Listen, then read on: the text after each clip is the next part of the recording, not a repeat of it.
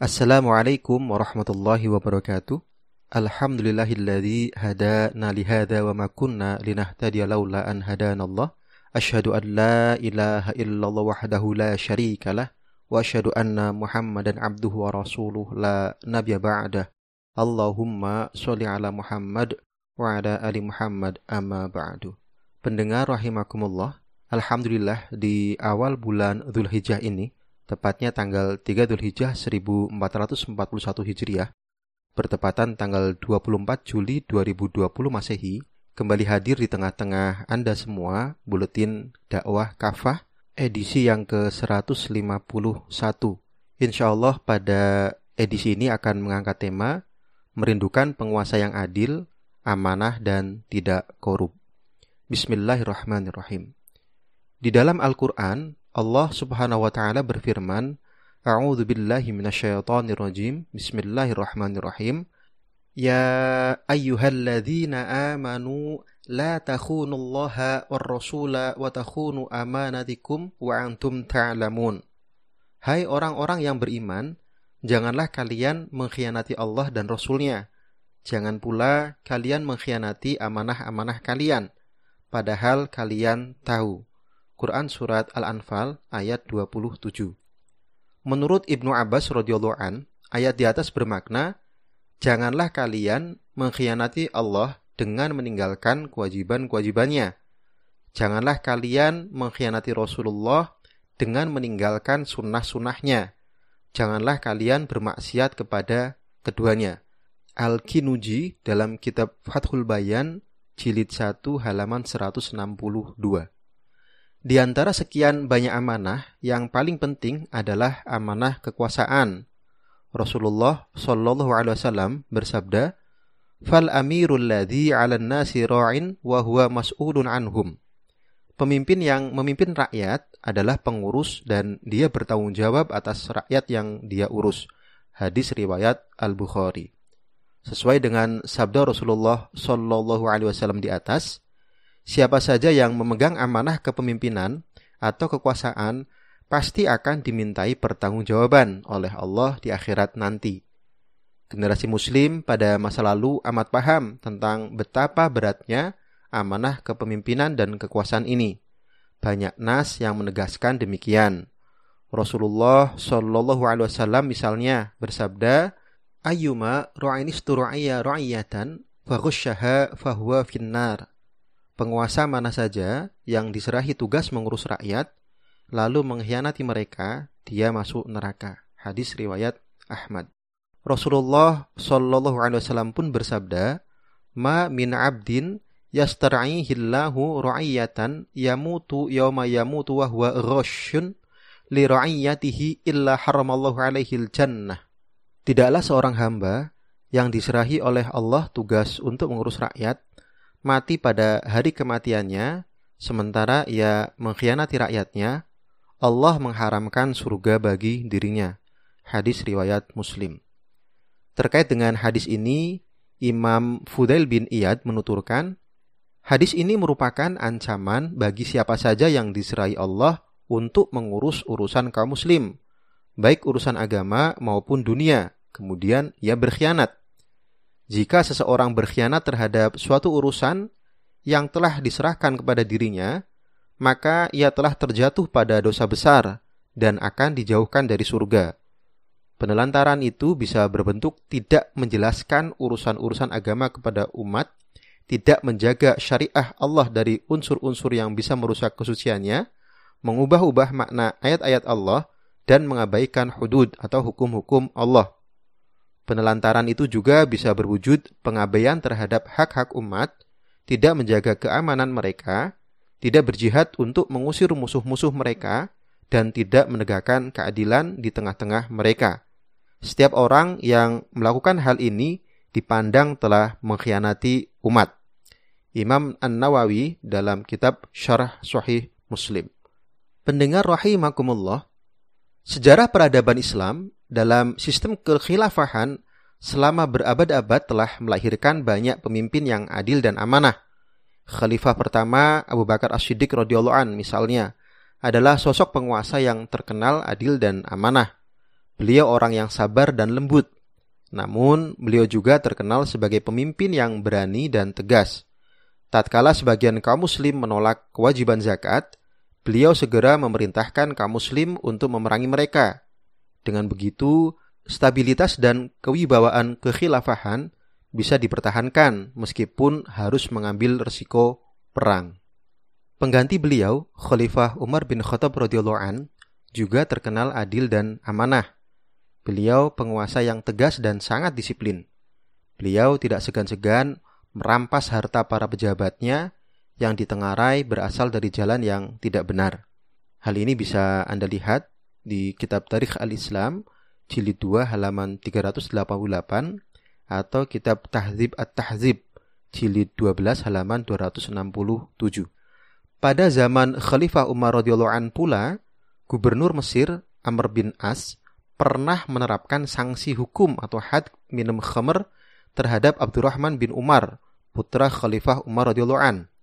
Biasanya pelaksanaan sanksi hukum semacam ini diselenggarakan di sebuah lapangan umum di pusat kota. Tujuannya agar penerapan sanksi semacam ini memberikan efek jerah bagi masyarakat. Namun, Gubernur Amr bin As menerapkan hukuman tersebut di dalam rumah.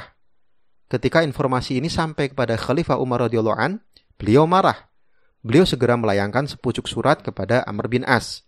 Surat tersebut antara lain berbunyi, Kamu telah mencambuk Abdurrahman bin Umar di dalam rumahmu, padahal kamu sudah mengerti bahwa tindakan semacam ini menyalahi aturanku.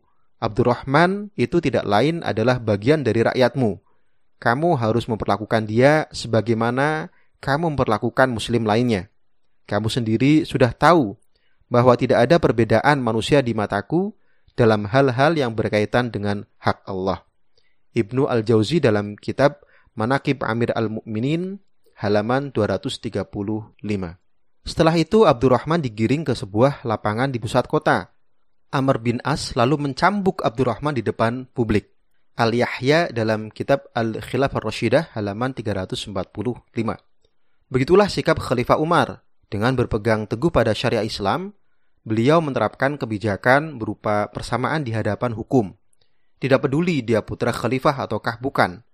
Ketika putranya sendiri melakukan kesalahan, maka hukum Islam ditegakkan.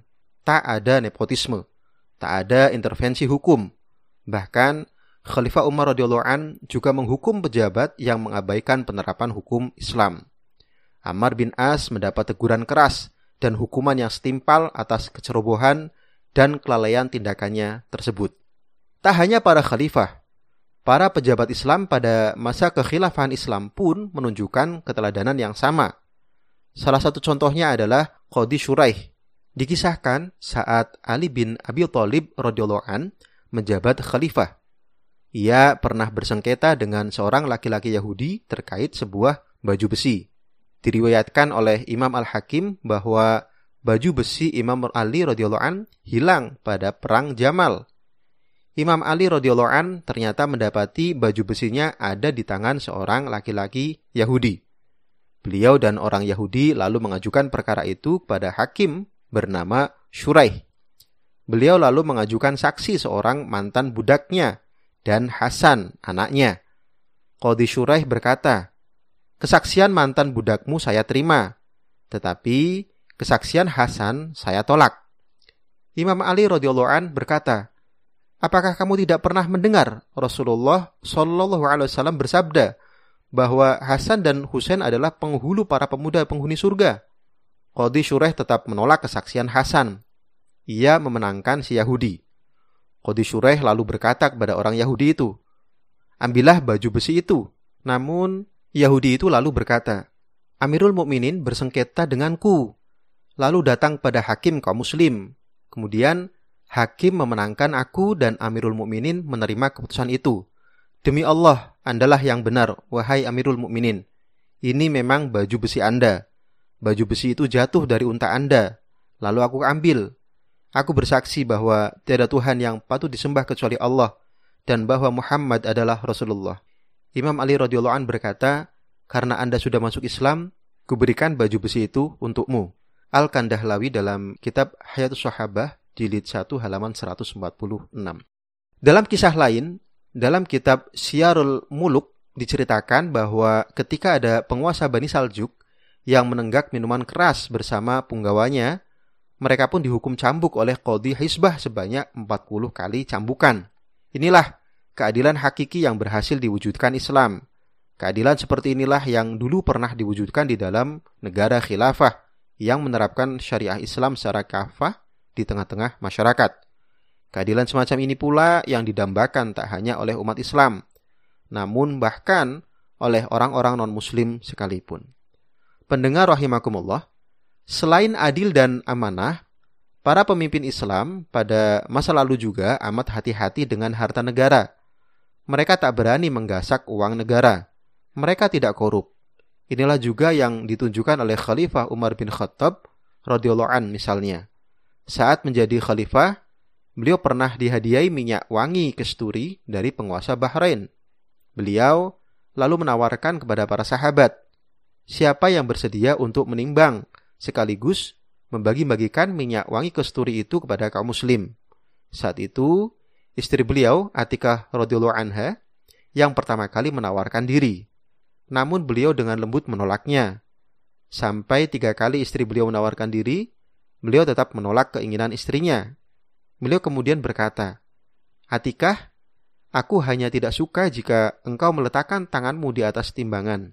Lalu engkau menyapu-nyapukan tanganmu yang berbau kesturi itu ke tubuhmu. Dengan itu, berarti aku mendapatkan lebih dari yang menjadi hakku yang halal. Al-Kandahlawi dalam kitab Fadail Amal halaman 590. Begitulah sikap sang khalifah. Jangankan korupsi, sekedar kecipratan minyak wangi yang bukan haknya pun tak sudi.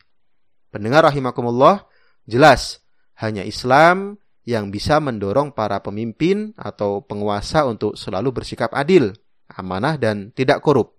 Sayangnya, pemimpin adil, amanah dan tidak korup ini tidak mungkin lahir dari rahim sistem demokrasi sekuler yang memang kufur. Sistem zolim ini hanya bisa menghasilkan para pemimpin zolim, khianat, dan korup. Pemimpin yang adil, amanah, dan tidak korup hanya mungkin lahir dari rahim sistem yang bertumpu pada Al-Quran dan As-Sunnah. Itulah sistem Islam yang diterapkan dalam institusi pemerintahan Islam. Itulah khilafah ala minhajin nubuwah. Wallahu a'lam. Demikian buletin dakwah kafah edisi 151 merindukan penguasa yang adil, amanah, dan tidak korup. Mudah-mudahan Allah senantiasa meneguhkan hati kita semua menjadi hambanya yang senantiasa patuh dan taat terhadap syariatnya. Demikian, wassalamualaikum warahmatullahi wabarakatuh.